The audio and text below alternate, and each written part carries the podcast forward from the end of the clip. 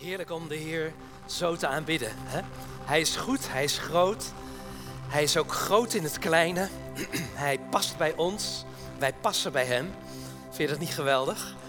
Want eh, als je weet dat je bij hem past, dan, eh, ja, dan is hij ook altijd bij je. Dan past hij gewoon in het dagelijks leven. Wat je leeft, dan weet je, hij is daar. En eh, soms is hij in grote dingen, maar hij is vooral ook een liefhebber van het kleine.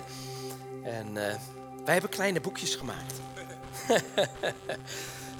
ik weet niet hoe ik op het bruggetje kom, maar kijk, uh, we hadden er al vier, misschien ken je ze. Een boekje voor vaders, voor moeders, uh, over het kruis, de Passion. En één die heet uh, Aan jou is alles mooi. Dat zijn cadeauboekjes. En raad welke het beste verkocht wordt, welke het beste weggegeven wordt voor mensen als cadeau. Aan jou is alles mooi. Wil je graag een ander geven? Maar we hebben er weer drie gemaakt. We hebben niet stilgezeten deze zomer. Ze zijn net uit. En de eerste is 100% genade. Ook weer een boekje om weg te geven. En dit gaat gewoon, nou eigenlijk helemaal niet gewoon, over wat is nou genade.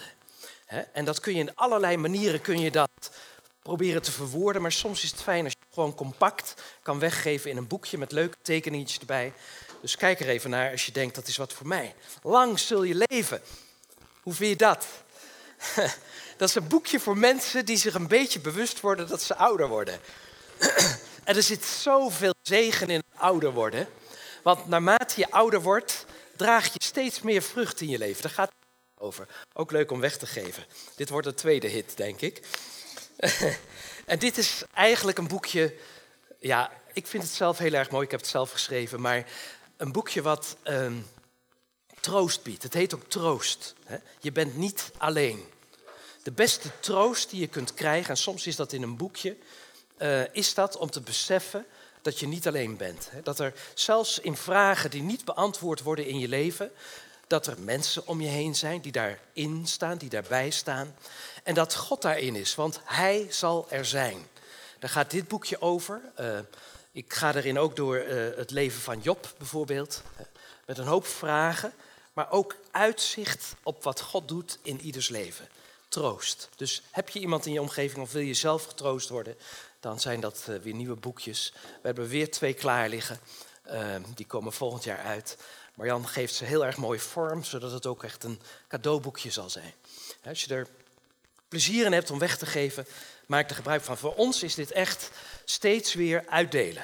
Uh, het is niet zozeer dat we denken we moeten veel boekjes maken, want dat is commercieel. Zo denken we helemaal niet. Maar wel, we maken boekjes om weg te geven om het evangelie te verspreiden en andere mensen blij te maken. Nou, dit is een boek, dat is een hele dikke, het is totaal anders. Dat is ook niet van mij, maar van een theoloog, Michael Eaton. Een Brit die vooral in Afrika en in Azië heeft gewerkt. Hij is vorig jaar overleden. En uh, dit boek heet Genade en Verantwoordelijkheid opnieuw doordacht.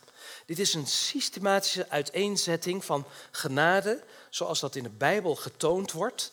Hoe de wet eigenlijk tijdelijk was, maar hoe genade al in het leven van Abraham en tot op uh, deze dag eigenlijk de invloed is die God, God uitoefent in ons leven. Als je houdt van Bijbelstudie, als je houdt van systematische theologie op een uh, helder geschreven manier. En als je denkt van ik wil eigenlijk eens een goede uiteenzetting hebben van de theologie van genade, hè, de, het evangelie van genade, is dit echt een boek een aanrader. Het is denk ik uniek in Nederland dat het uitgebracht is. Um, het heeft een grote invloed in de wereld. Uh, ik denk ook dat veel predikers die wij kennen vanuit andere landen uh, zijn theologie kennen. Want dit is niet zijn enige boek. Hij heeft er heel veel geschreven. Hij heeft ook elk Bijbelboek becommentarieerd vanuit genade. Maar dan is dit een aanrader. Of als je denkt van, ik heb van die bolle bozen uh, die in mijn omgeving zijn, die meer over genade willen weten is dit een uh, geweldig boek. Ook net uit. Um, ja, en dan hebben we nog meer daar liggen op de boekentafel. We hebben gewoon maar wat meegenomen. Nieuw seizoen, dus uh, kijk maar of je daar zin in hebt, gebruik van maakt. Je kunt betalen uh, met je creditcard als je wil. Komt allemaal goed. Praise his name. Ja, en ook deze boekjes aanbidden Jezus. Daar zijn we op uit. Eh, daar geven we uitdrukking aan. En dat doen we eigenlijk omdat we weten dat Hij gelooft in ons. Laat maar zien, dat is de titel van uh, de komende, uh, het komende half uur waar we het over zullen hebben. Jezus gelooft in ons. En het wonderlijke is dat wij eigenlijk daar ons vaak niet zo bewust van zijn. Dat we ons niet zo bewust ervan zijn dat Jezus zoveel geloof heeft, dat hij altijd iets van geloof aan ons kan geven wat we zelf missen. Ja? Wij missen soms geloof. Weet je, het is bijzonder dat Jezus gestorven is voor onze zonde. Want dan zeggen we, hij heeft daar een oplossing voor. Voor onze tekorten heeft hij een oplossing. Hij is gestorven aan het kruis voor onze zonde. Dat is geweldig. Ja. Hij heeft onze tekorten gedragen. Maar weet je dat een van onze tekorten waar we ons soms zorgen over maken, ongeloof is? En dat we dan denken, dat moet ik dan maar zelf uitzoeken. En ik hoop dat ik dat geloof nog eens een keer kan gaan pakken. En als ik dat heb, dan gaat het beter. Of dan snap ik het. Of dan komt God echt in mijn leven. Ja. Terwijl het andersom is. Wij komen veel geloof tekort. Maar hij heeft zoveel geloof in ons dat hij ons dat wil geven. En dat gaat hij ons deze ochtend op een wonderlijke manier geven. Ja. Want zijn woord gaat open, hij gaat spreken. En dan zeg je, hij gelooft in mij. En als ik het zelf niet geloof, dan gelooft hij het nog. Dat is wat. Dat is wat. Er was een man die zei, ik geloof, maar kom mijn ongeloof te hulp. Ken je dat? Marcus 9, laat maar even zien. Zo'n verhaal, een geschiedenis, uh, wat zich afspeelt eigenlijk direct na een hoogtepunt van Jezus. Jezus gaat de berg op met drie van zijn discipelen en hij wordt verheerlijkt. Eigenlijk krijgt hij een soort omkering in zijn bestaan dat hij binnenste buiten gekeerd wordt. Dat zijn lichaam gaat stralen. Wat erin zit, dat komt eruit. En dat wordt gezien in zijn lichaam. En dat is eigenlijk een plaatje van hoe wij straks allemaal zullen zijn. Verheerlijkt.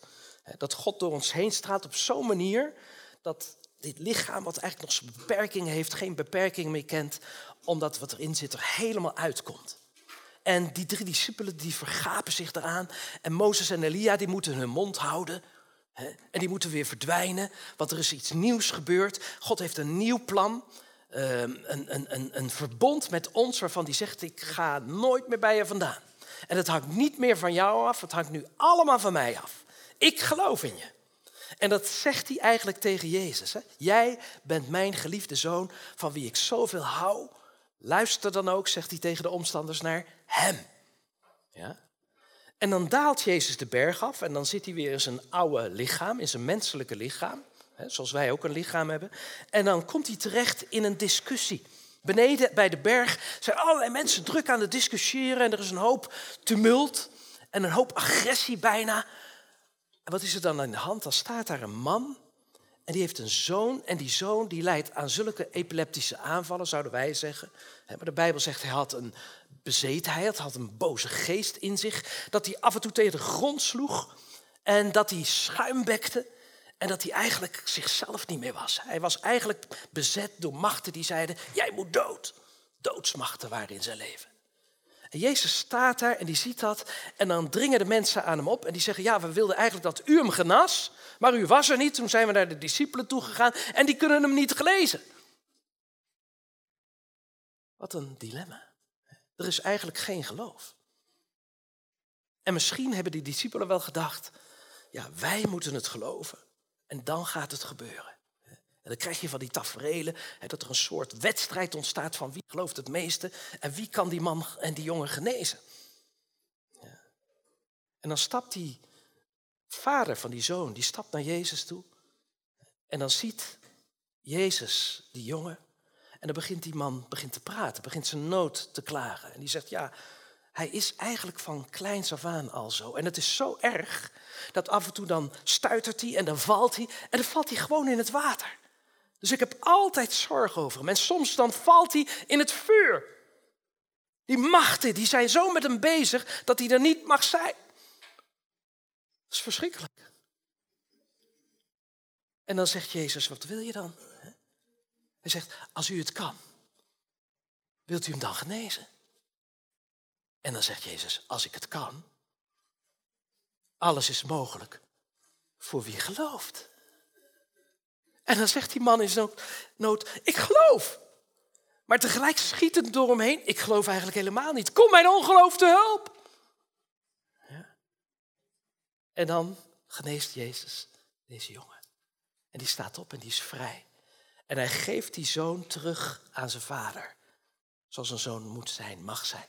Genezen. Iemand die zijn eigen weg mag leren gaan. Die niet meer voortdurend gecontroleerd moet worden omdat het gevaarlijk is in zijn leven. Omdat de machten bezig zijn om hem te doden. Hij overwint de dood, Jezus. De machten van de dood. Hij gelooft in de Vader. Hij gelooft in die Zoon. Hij geeft hem dat leven wat overwint. Ik geloof. Soms zeggen we dat. Hè? Ik geloof, ik geloof. Volgens mij zelfs een liedje. Ik geloof. Hè? Maar eigenlijk zouden we moeten zingen, kom mijn ongeloof te hulp. Want laten we eerlijk zijn. Hoe vaak is het niet zo dat we het helemaal niet geloven? En dan zeggen we, ik voel het niet. Of ik zie het niet. Ja, maar dat is dus weer geen geloof. Hè? Dan ben je eigenlijk afgestemd op andere dingen. Want geloof is iets wat binnenin gebeurt. Hè? De Bijbel zegt, geloof is de zekerheid van de dingen die je niet ziet. Dat je van binnen weet, zo is het, zelfs tegen allerlei zaken in om je heen. En daarin komt geloof tot zijn recht, want dan ga je dingen die je niet ziet, ga je toch zien. Die komen toch tot leven dan, die komen toch tot aanschijn. Dat is zoals God sprak. Hij sprak en het was er. En hij spreekt ons geloof in. Hij is degene die in ons gelooft. Nou, laten we daar de Bijbel eens verder over opslaan. Want dan wil ik lezen uit Galaten 2, vers 20.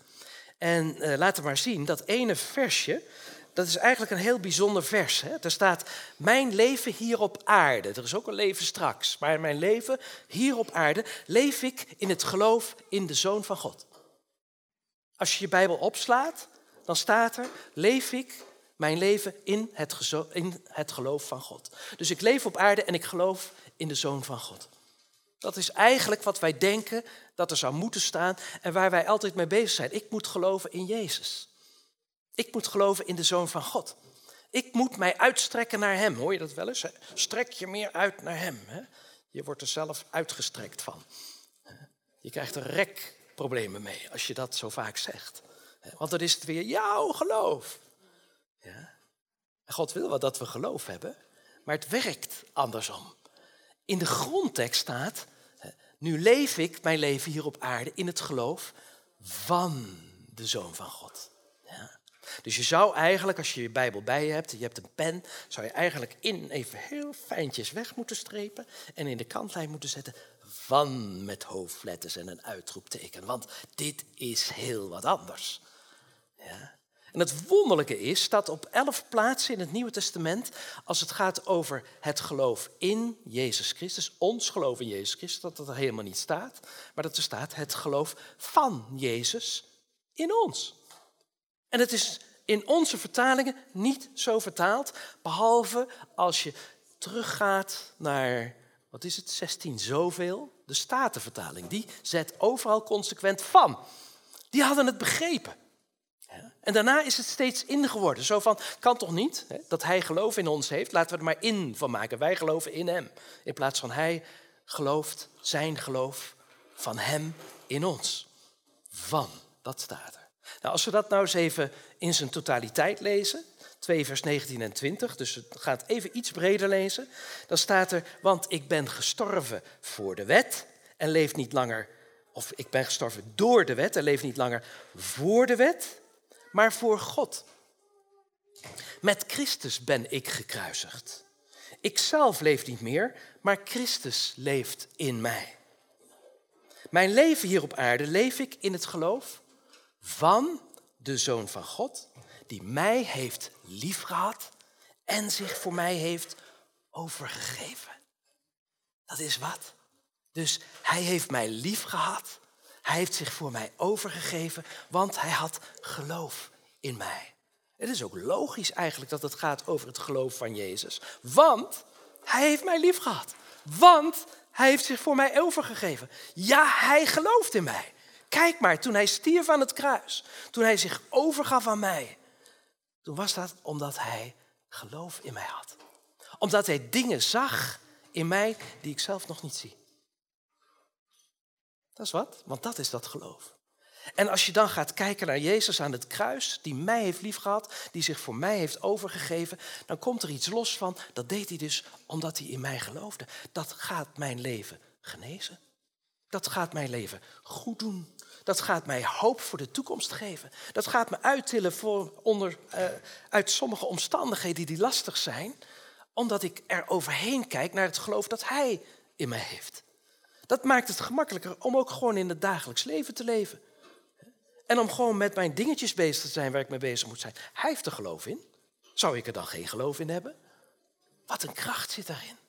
Maar Paulus moet wel eerst met wat dingen afrekenen in deze tekst. Daarom heb ik ze even losgeknipt. Hè?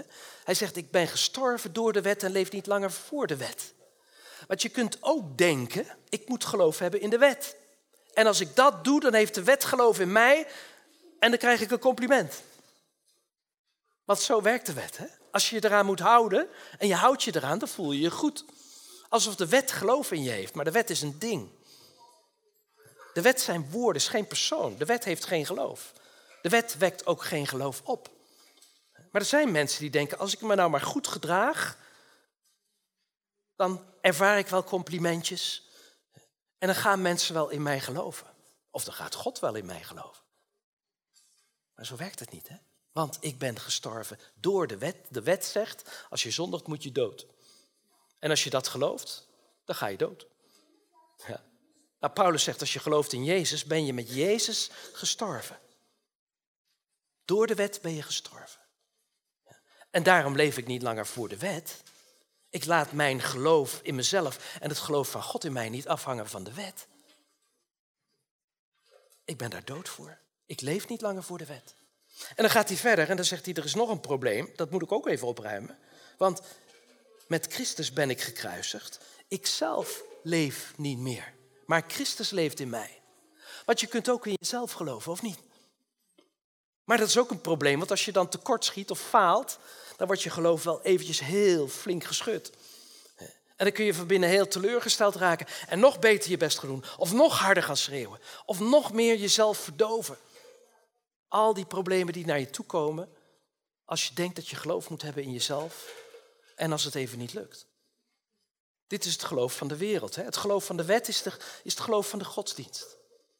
In godsdienst gaat het altijd over wetten die je moet houden, rituelen die je moet doen. En het geloof van deze wereld, die godsdienst, zeggen ze, heeft afgezworen. Wat houden ze dan over? Dat ze zelf God zijn, dat ze in zichzelf moeten geloven. Je was een leeuw, een lion king.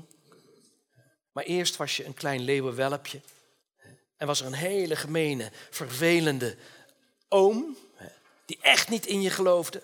En dat moest je dan overwinnen en dan kon je, wow, weet je wel. Dat is het geloof in jezelf. Alle Walt Disney films, en daar worden onze kinderen mee opgevoed. Hè? En ik hou van Walt Disney films, dus dat is het probleem niet. Hè? Maar gaan eigenlijk in de kern over leer te geloven in jezelf. Wij moeten leren te begrijpen dat ik met Christus gestorven ben. En dat het niet meer mijn ik is die de boventoon moet voeren, maar Christus die in mij leeft. En die gelooft in mij. En die mij heeft liefgehad. En die zich voor mij heeft overgegeven. Ja, daar gaat het om. Ik heb daar een tekeningetje van gemaakt. Laat maar even zien. Kijk. Je liep te zeulen met jezelf, met dat ik. Of er nou een wet aanhing of niet. Wat was dat zwaar? Om te moeten geloven in jezelf. En dan zeg je, ik geef mij over aan Jezus, want hij gaf zich eerst over aan mij. Dat ik, dat mag aan het kruis. En wat zie je dan? Een ventje dat vrij is.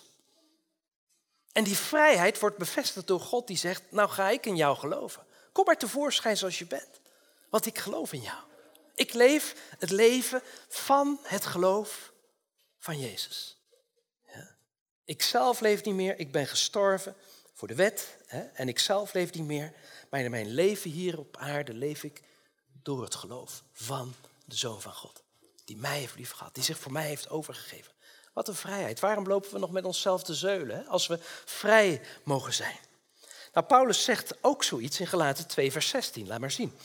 Wij weten dat niemand als rechtvaardiger wordt aangenomen door de wet na te leven,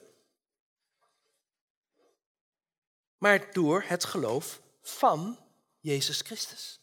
Daar staat het weer. Hè? En daar staat in onze vertaling weer door het geloof in Jezus Christus.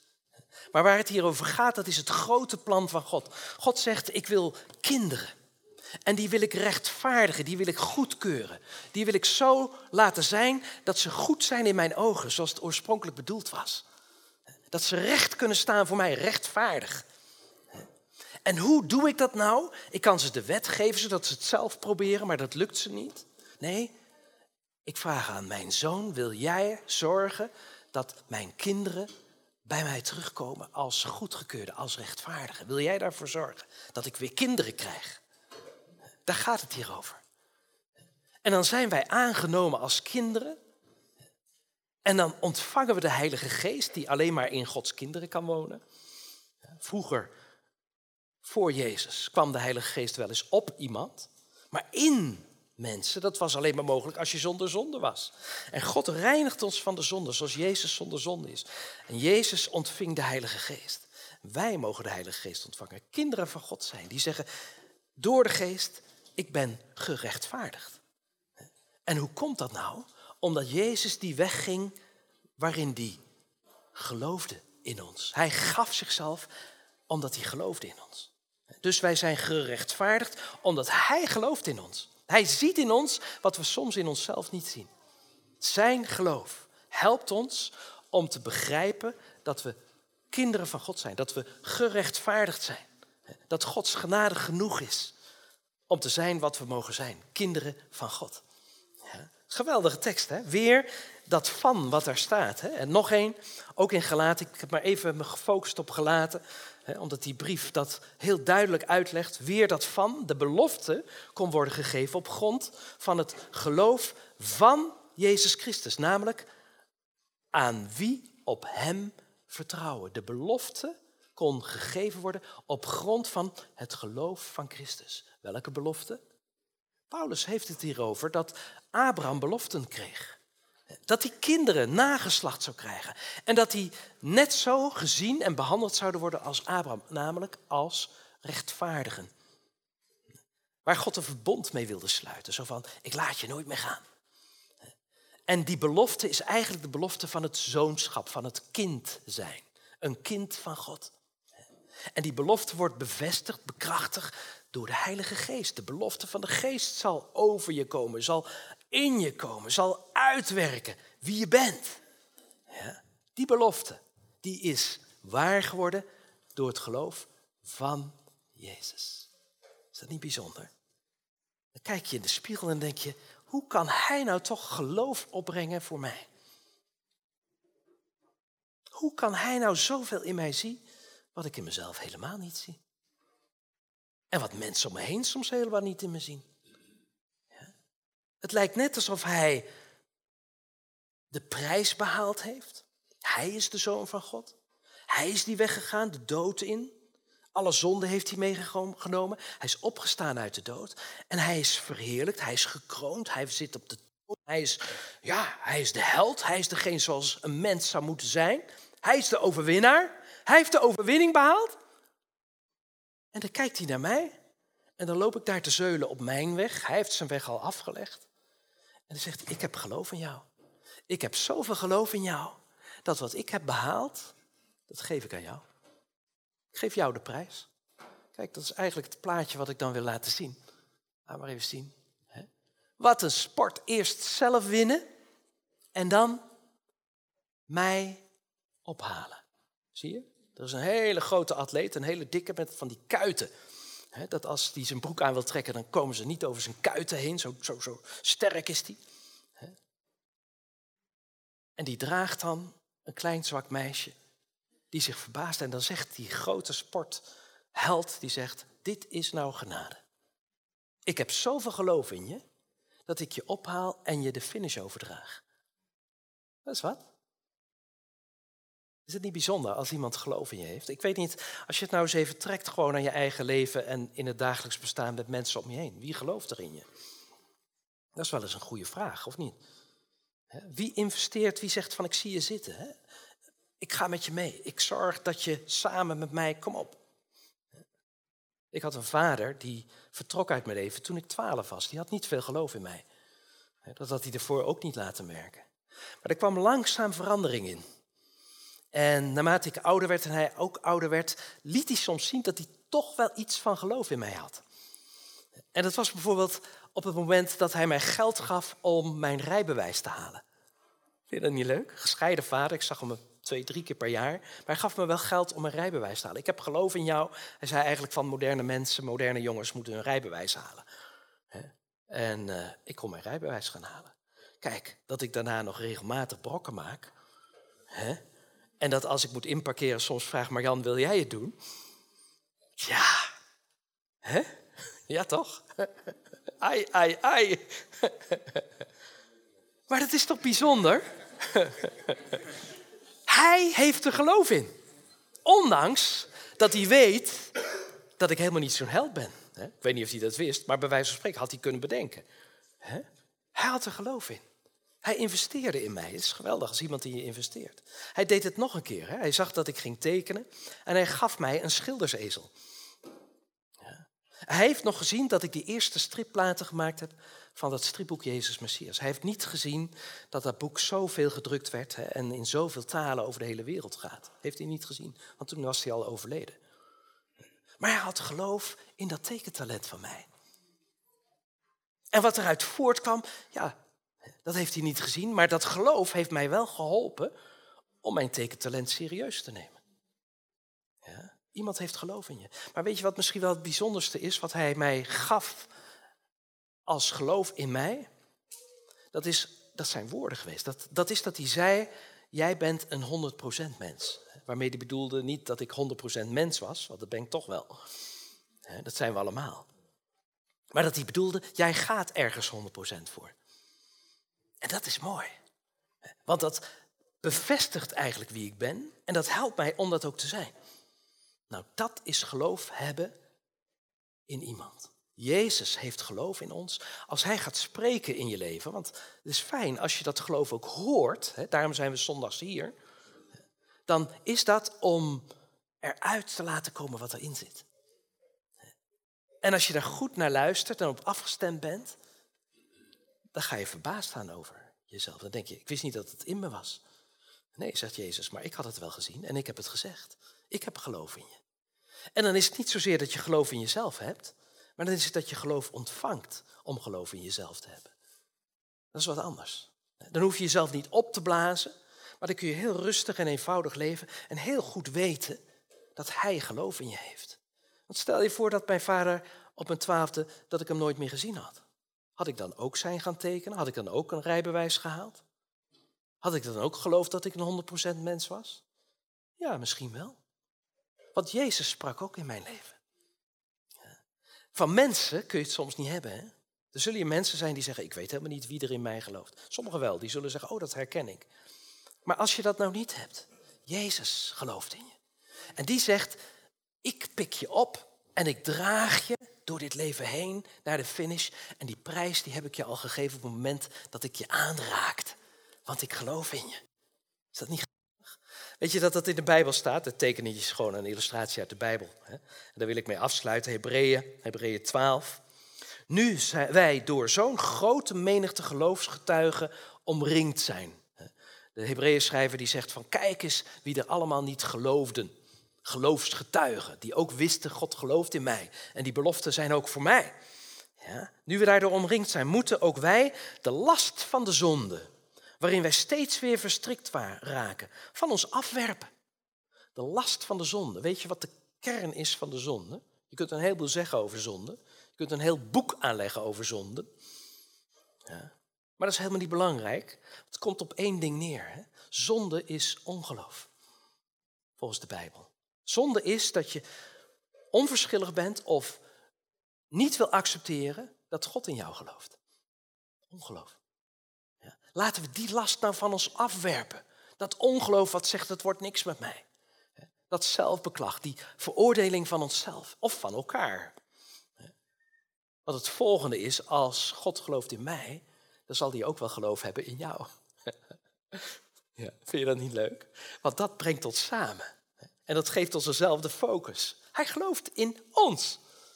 Laten we dan de last van de zonde, van ongeloof van ons werpen. Waarin we steeds weer verstrikt raken. Want ja, dan loop je die wedloop. En dan gaan die veters in elkaar van ongeloof. En dan val je. Ja. Nou ja, die grote man die valt niet. Maar als je het zelf zou lopen wel. Laten we dan de wedstrijd lopen, vastberaden. De wedloop, de wedstrijd lopen die voor ons ligt. En dan denk je, oh, dan moet ik toch weer rennen. Nee, wacht eventjes. Laten we daarbij de blik gericht houden op Jezus, de grondlegger en voltooier van ons geloof. Daar heb je het. Ja. Als we kijken naar Jezus, dan zie je dat Hij in ons gelooft. Hij is begonnen, Hij is de grondlegger met dat geloof. En Hij is de voltooier, Hij heeft de finish behaald in dat geloof in ons. Hij neemt ons mee. Dus als je kijkt naar Hem, dan zit je niet in dat ongeloof, dan raak je daar niet in verstrikt. Maar dan ben je vastberaden, zeg je, als hij mij gelooft, dan ga ik ervoor. Dan maak ik dat leven wat hij mij geeft, maak ik af samen met hem. En komt daar vrucht, komt daar zegen uit voort. Komt daar overwinning uit voort. Komt daar uit voort wat hij me al gegeven heeft. Hij heeft het al gegeven, ik mag het samen met hem uitwerken. Ik mag het uitpakken. Dat is de lol van mijn leven, omdat hij in mij gelooft. En dan staat het verder, hè, dan gaat het nog even verder. Denkend aan de vreugde die voor hem lag, liet hij zich niet afschrikken, Jezus, door de schande van het kruis. Hij hield stand en nam plaats aan de rechterzijde van de troon van God. Hij heeft de overwinning behaald.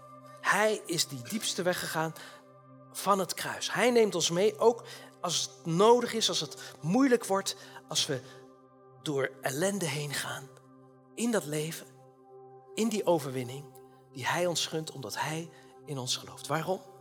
Omdat er vreugde ligt voor hem. Hij is het gedaan. Hij heeft het gedaan. Hij had er vreugde in om geloof in ons te hebben. Hij had er zin in. Hij vond het geweldig. En dat gaf hem de kracht en de moed om dat ook te doen. En die vreugde die deelt hij met ons. Want dan zegt hij van, als ik in jou geloof, wat komt er dan bij jou los? Als ik in jou geloof. Wat gebeurt er dan van binnen? Als Jezus zegt, ik geloof in jou. Wekt dat dan vreugde bij je op? Als je het echt gelooft, dan wel. Vrucht van de geest, vreugde. Hij zegt, jij bent mijn geliefde kind. Hè? Hij getuigt met onze geest dat we kinderen van God zijn. Dat is de belofte. Wij zijn gerechtvaardigd. Zie ik het soms niet? Hij ziet het wel en hij gelooft erin. Word je daar blij van?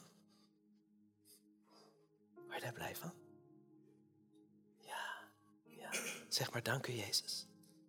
Zijn geest komt nu naar je toe en hij zegt ik geloof in je. Ik geloof in je. Laat je vullen met die vrede dat hij zoveel geloof in je heeft. Je mag zeggen, oh, wat gaaf dat ik me daar aan mag overgeven. Die zich voor mij heeft overgegeven. Die houding wil ik ook aannemen. Ik wil me spiegelen. Ik wil ook hetzelfde zijn als wat u bent. Als u die geliefde zoon bent, dan ik ook. Ik geef me over aan uw geloof. Dank u, Jezus. Dank u dat u ons daarin zegent, dat we daar verbonden mee mogen zijn. Dat u zich nu verbindt aan ons met uw geloof. En dat we ongeloof van ons af mogen werpen. En ons mogen versterken in het besef hoe goed u bent. Dat u zich voor mij heeft overgegeven. Omdat u mij lief had. Omdat u van mij hield. En omdat die liefde praktisch werd in het feit dat u in mij gelooft. Dat neem ik graag aan, Heer. Daar ga ik graag mee wandelen samen met u. Dat ga ik graag uitwerken in het dagelijks leven. In moeite, in zorgen, in pijn, in verdriet. Ook in hoogtepunten. Heer, dat dat geloof in u sterker wordt. Dat geloof van u in mij. En dat het eruit komt als vreugde en als vrucht. Dank u daarvoor.